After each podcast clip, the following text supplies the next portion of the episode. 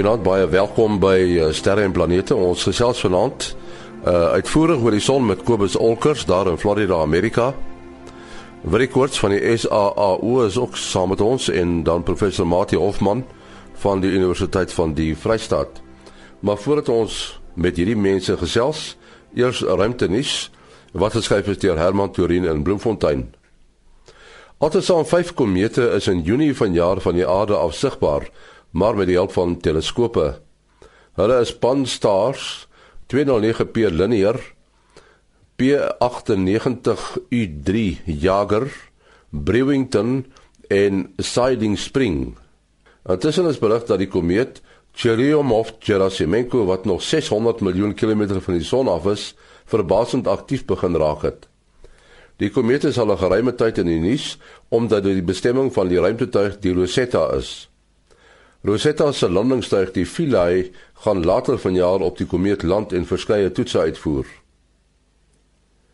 Wetenskaplikes wat die grootste oorblysel van die meteoriet ondersoek het wat in Februarie verlede jaar bo die Russiese stad Chelyabinsk ontplof het, meen dat dit oorspronklik deel was van 'n veel groter hemelliggaam.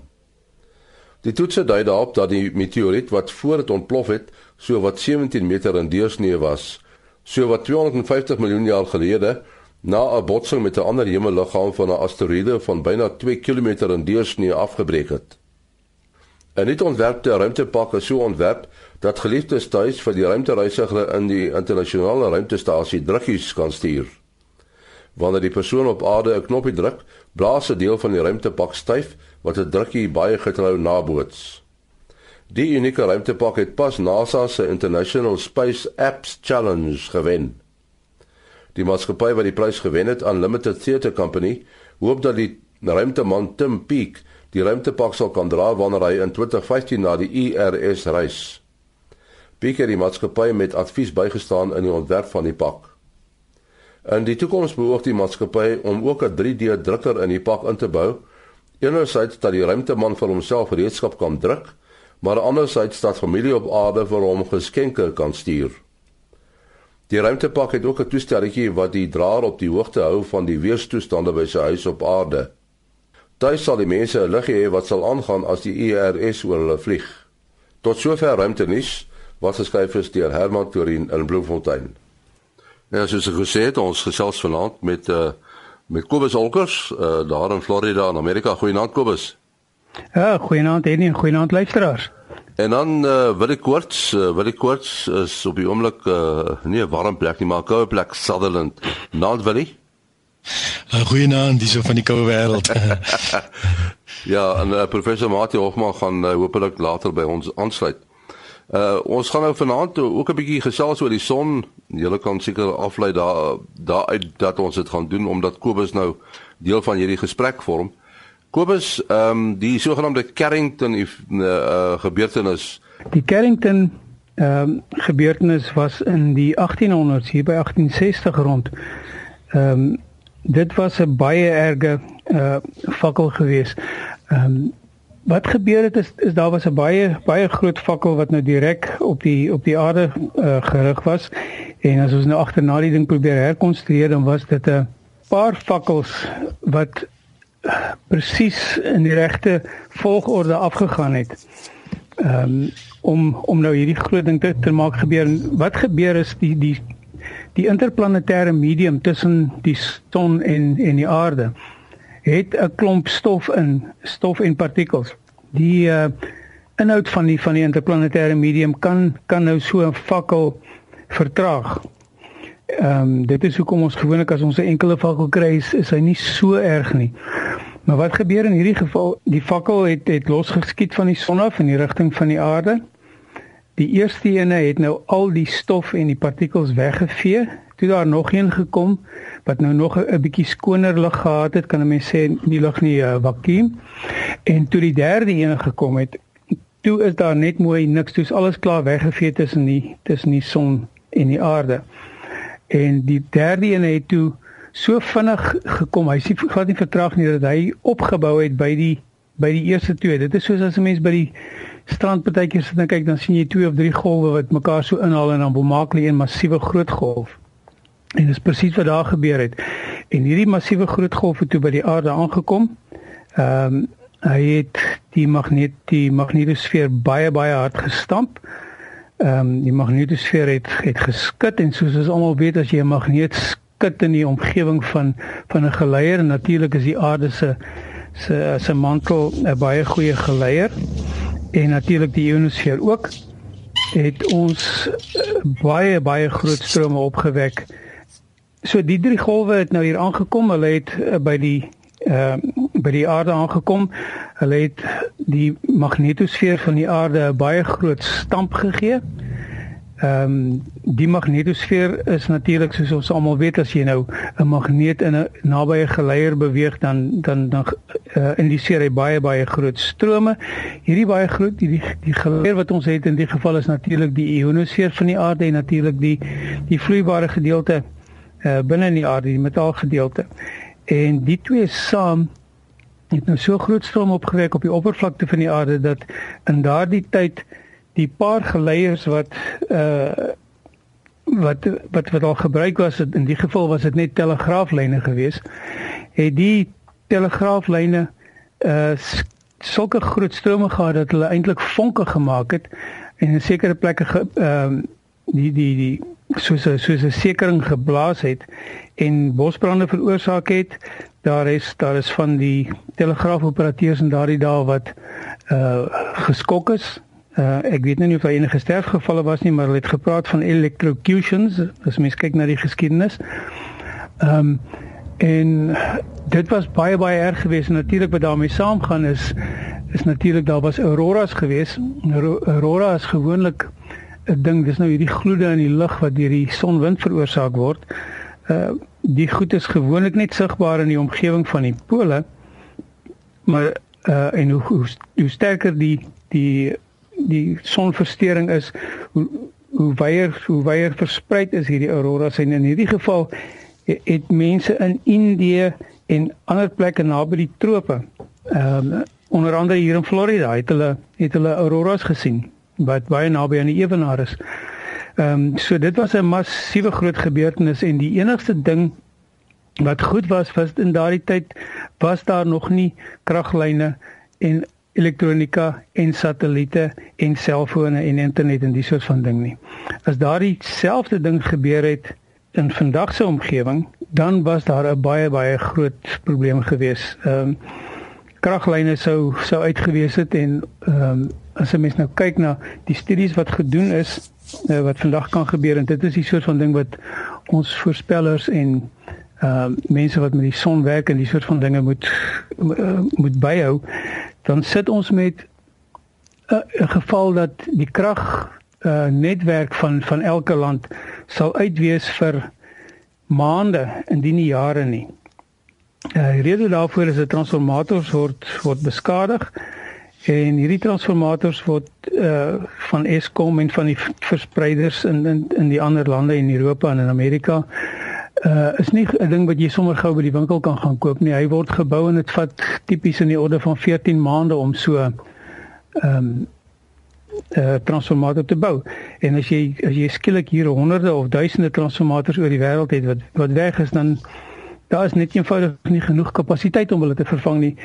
En natuurlik as daar nie krag is nie, dan ver, dan verval die ehm uh, sien nou maar die die waternetwerk want hulle gebruik pompe ehm um, jou kommunikasie verval want daar's geen manier om te gebruik nie.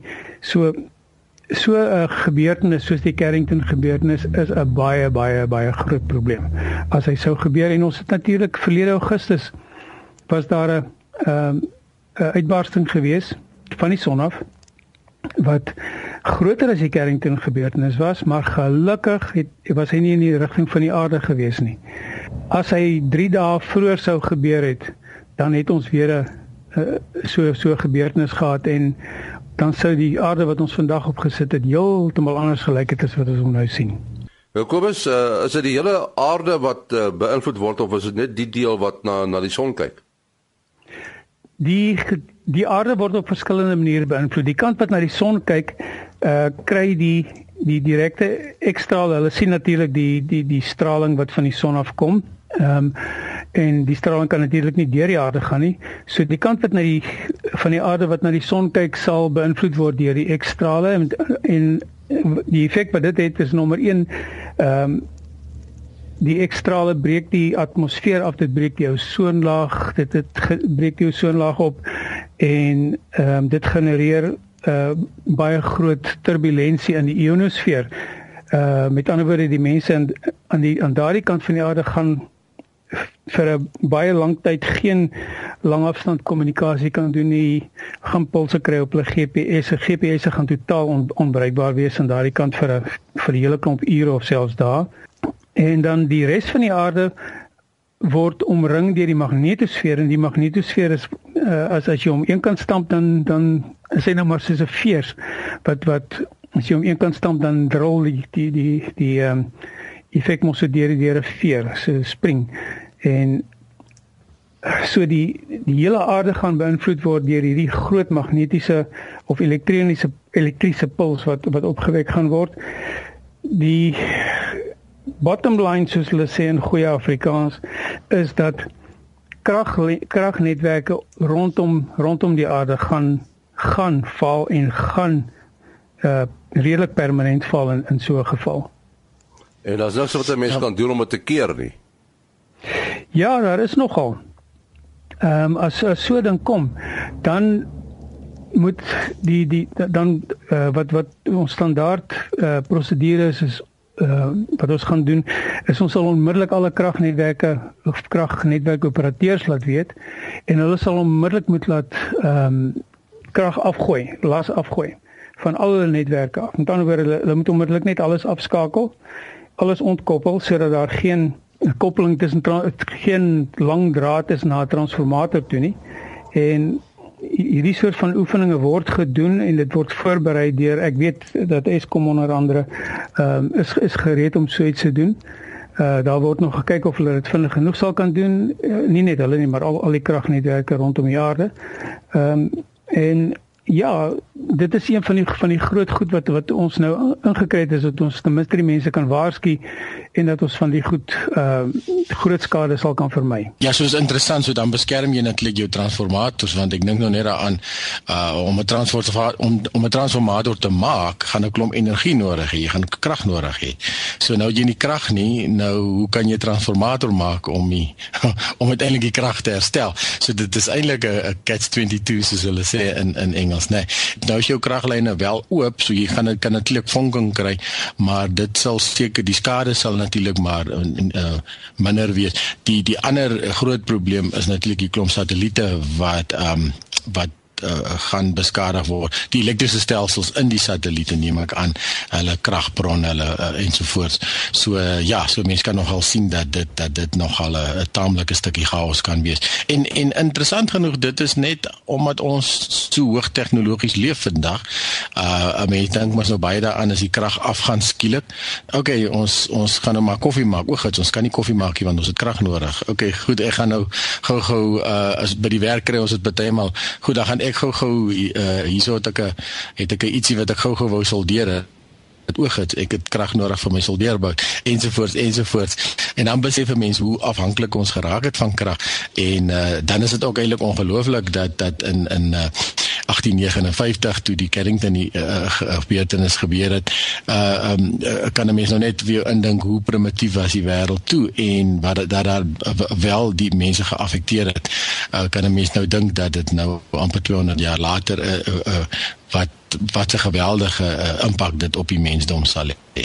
Ons het hier 'n uh, studie gesien wat wat die departement van van uh, energie hier in Amerika gedoen het wat 'n mens eintlik tot bietjie bietjie uh, tot stilstand ruk as jy as jy daarna kyk. Daar's goedjies byvoorbeeld soos ehm um, as die krag opraak, dan dan dan kan jy nie petrol van die petrolpomp af kry nie.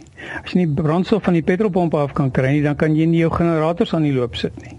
So jy sit met al hierdie hierdie reserves, maar soos hulle sê ek het 'n pad maar is dood.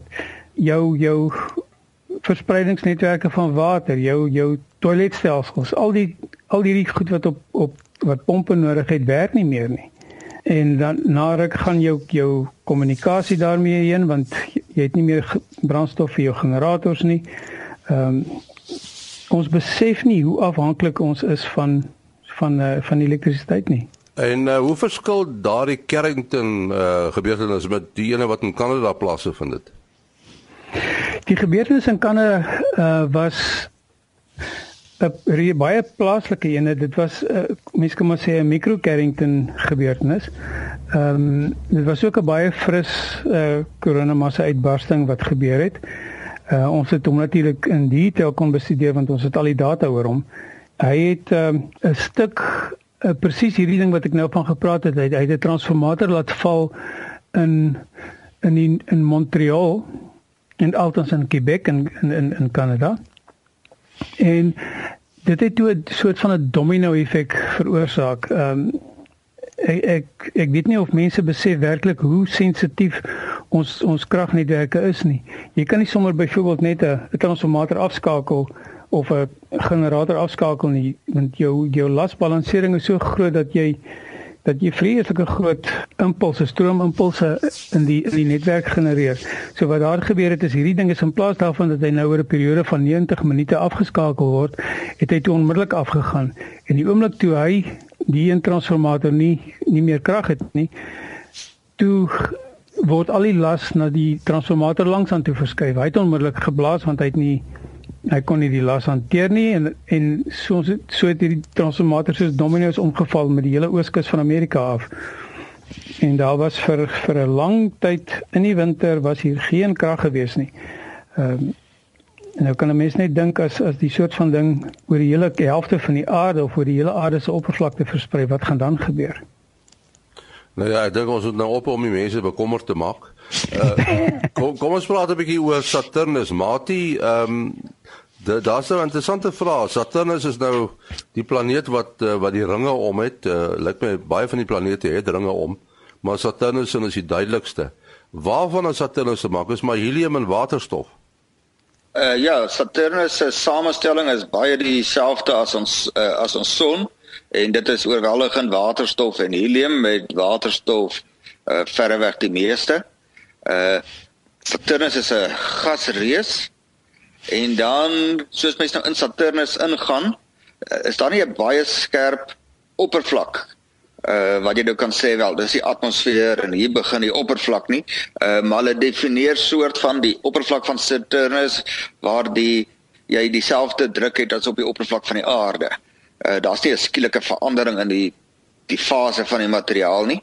Maar wel as mens dan nou so al dieper en dieper in Saturnus ingaan, uh dan gaan neem die druk toe totdat jy nou later uh vervloeiing van die gasse sal sal kry.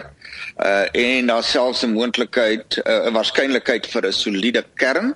Uh nogal bestaande uit waarskynlik yster en die soliede kern dit het ek nou onlangs uh, eers gelees is uh, iets wat groter waarskynlik as die aarde maar uh, daar's nie 'n direkte manier om dit waar te neem nie nie op hierdie stadium van tegnologie nie uh, dit is maar gebaseer op berekeninge van gebase, uh, wat hier gebaseer is op ons insig en kennis van die gedrag van gasse by en materiale by baie hoë temperatuur. Ehm um, die die die uh, teenwoordigheid van yster uh kry mens ook by die son. Dit is van die van die uh, elemente wat baie skaars daar is. Maar die rede hoekom daar yster by die by die son en dan ook by Saturnus is is omdat die son nie 'n eerste generasie ster in die geskiedenis van die heelal is nie. Die eerste generasie sterre sou net oorweldigende waterstof en dan klein hoeveelhede van helium en lithium uh bevat het. Dit is die elemente wat daai stadium in die hele se geskiedenis beskikbaar was, maar in die uh, stadium eindstadium van baie groot sterre het jy nou mos supernova ontploffings en dan daai supernova ontploffings ehm uh, kan word dan nou anderhand ander elemente gevorm uh wat dan nou deur die kernreaksies wat kan plaasvind in die hoë energie botsings wat dan nou in die materiaal teenwoordig was waaruit die ster uh met die tyd gevorm het. Uh yster kan ook is die die die die die swaarste element wat ook binne sterre gevorm kan word uh deur uh kernversmelting alle alle elemente swaarder as yster het mens dan supernova ontploffings voor nodig. Ehm um, Ja, so dit is min of meer wat mense sou kon sê oor Saturnus se samestelling, maar as mens nou by die ringe van Saturnus kom, dan is dit nou bietjie anders. Dit bestaan uit hoofsaaklik waterstof, ys en dan is daar ook ons sê nou maar klippe, rotsblokke, stofdeeltjies en die grootte daarvan wissel vanaf so groot so sandkorreltjies tot so groot so sê nou maar 'n klein gebou met baie ruimte tussenin. Weet vir ons vir ons lê van die aarde af lyk dit soos 'n soliede ringvormige vlak, maar uh die mense die die, die ruimtetuie wat nou al daar deur gevlieg het, het duidelik aangetoon dat dit en selfs met groot teleskope kan jy sien dit is saamgestel uit baie kleiner ringe met gapingkies tussenin, verskeie gapings waarvan die beroemdste natuurlik die Cassini skeiding of uh Cassini division is. Ehm um, maar die die die gemiddelde afstand tussen die deeltjies waar die ringe bestaan is groot genoeg dat 'n ruimtetyd daardeur sou kon uh, met gemak vlieg. Daar's seker 'n kans vir botsings, maar ek dink nie dis baie groot nie. Uh wil dit terwyl ons nou so van die uh die ringplaneet Saturnus praat, uh later die maand is daar mos nou okkultasie, uh die maan gaan Saturnus okkulteer. Vertel ons net eers 'n bietjie wanneer is dit en wat presies beteken ja. nou okkultasie? Ja, ja, ons het nou al vroeër die jaar 21ste Maart het dit ook gebeur en en nou is die 10de Junie, dit is nou eerskomende Dinsdag aan. Ehm um, en uh, ja, okkultasie beteken maar basies wanneer een hemelliggaam voor 'n ander in beweeg. Nou in hierdie geval die maan is natuurlik die naaste aan ons en is ook redelik groot uh, wat uh, nou nie groot relatief tot die planete nie, want hulle is baie ver, maar groot in die sin van hulle vertoon groot om omdat die maan natuurlik naby ons sit. So die maan maan uh, uh, uh, ook alteer gedurig sterre. En uh, interessant genoeg het gebeur ook nie so baie dat dit helder sterre ook alteer nie. So dit is dis ook dan eintlik partymal 'n gebeurtenis. Uh, en omdat die maan en die planete en die son en alles maar in dieselfde vlak om mekaar of al die planete in die uh, die uh, om die son beweeg uh daar het ook die maan uh, volg maar dan dieselfde pad teenoor die hemelagtergrond. Teenoor die sterre agtergrond kry jy dan uh, dat die maan ook die planete kan okkulteer. Dit wil sê dit basies net bedek. So uh, ja so volgende dinsdag nou nou uh, oormôre aan uh gebeur dit dat die maan dan oor Saturnus beweeg. Nou dis ongelukkig nie sigbaar vanaf die hele land nie. So me, mense verder noord sê maar as Bloemfontein, Bloemfontein uh, is gaan dit nog sien. Dit gaan omtrent so 15 minute agter die maan verdwyn. Uh, Saturnus nou en dan hier vir die Kaap gaan gaan dit heel wat langer gebeur. So uh um so mense verder noord sal natuurlik uh, die maan en Saturnus bymekaar sien sit. So dit sal nogtans uh uh, oulik wees om dop te hou en selfs met jou verkyker en so aan. Hier in die Kaap is, die, is ons altyd natuurlik die weer is altyd 'n kwessie. Ja, so vir ehm um, vir die Kaap is dit kwart oor 7. Dit is nou Dinsdag aand uh, wat dit verdwyn en dan kwart oor 8. Uh, uh eintlik 16 minute oor 8 op herverskyn weer in die in die ander kant van die van die maan. En dan vir Bloemfontein is dit so 20 voor 8 en uh, 15 16 minute later, net so voor 8 dop hy weer in die in die in die op die ander randjie van die maan uit. Ja, so dit is eintlik 'n lekker dingetjie om deur 'n teleskoop dop te hou.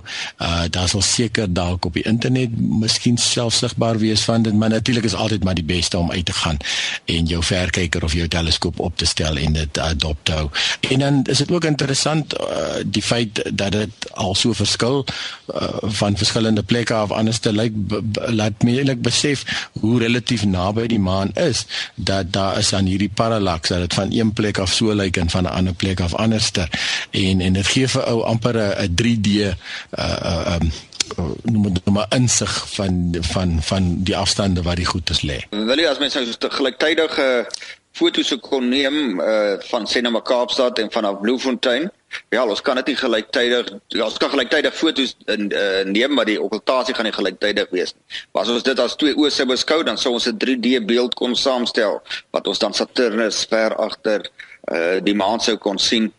En uh, as ek nou so vinnig geraai dan dink ek dit is amper volmaan dan. Miskien so net na volmaan het jy die dalk die fase inligting daar by jou. Uh ja, die volmaan is die 13de en dit gebeur die 10de. Ja, so dis net voor volmaan, dis reg. So die maan gaan ook dan in gedurende die hele gebeurtenis gaan die maan opwees. Uh, kom ons net om af te sluit, gaan die son homself gedra in die volgende week? Ons het 'n paar interessante goed hier op die oomblik aan die gang. Die eerste een is daar is 'n massiewe groot filament op die son. Uh oor die 500 000 km lank. Hy is amper 'n kwart miljoen kilometer hoog en hy is baie onstabiel. Dit lyk vir my asof ons dalk 'n um, 'n ding met uh, 'n fakkel gaan kry van hom af. Uh dan het ons ook 'n redelike groot uh, koronagat aan die suidekant van die son wat ons nie gaan beïnvloed nie en ons het 'n baie skrale kans vir uitbarstings van onstabiele areas af. Nou sê ons gaan nou afsluit. Uh, Kobus jou besonderhede?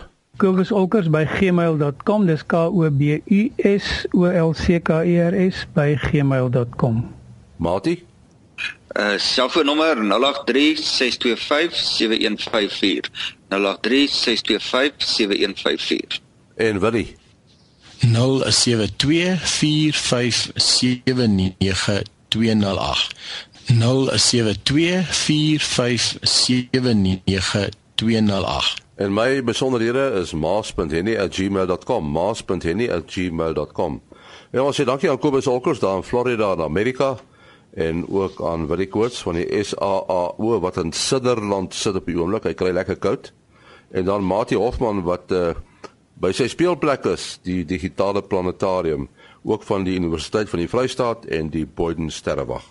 Tot 'n volgende keer, mooi loop.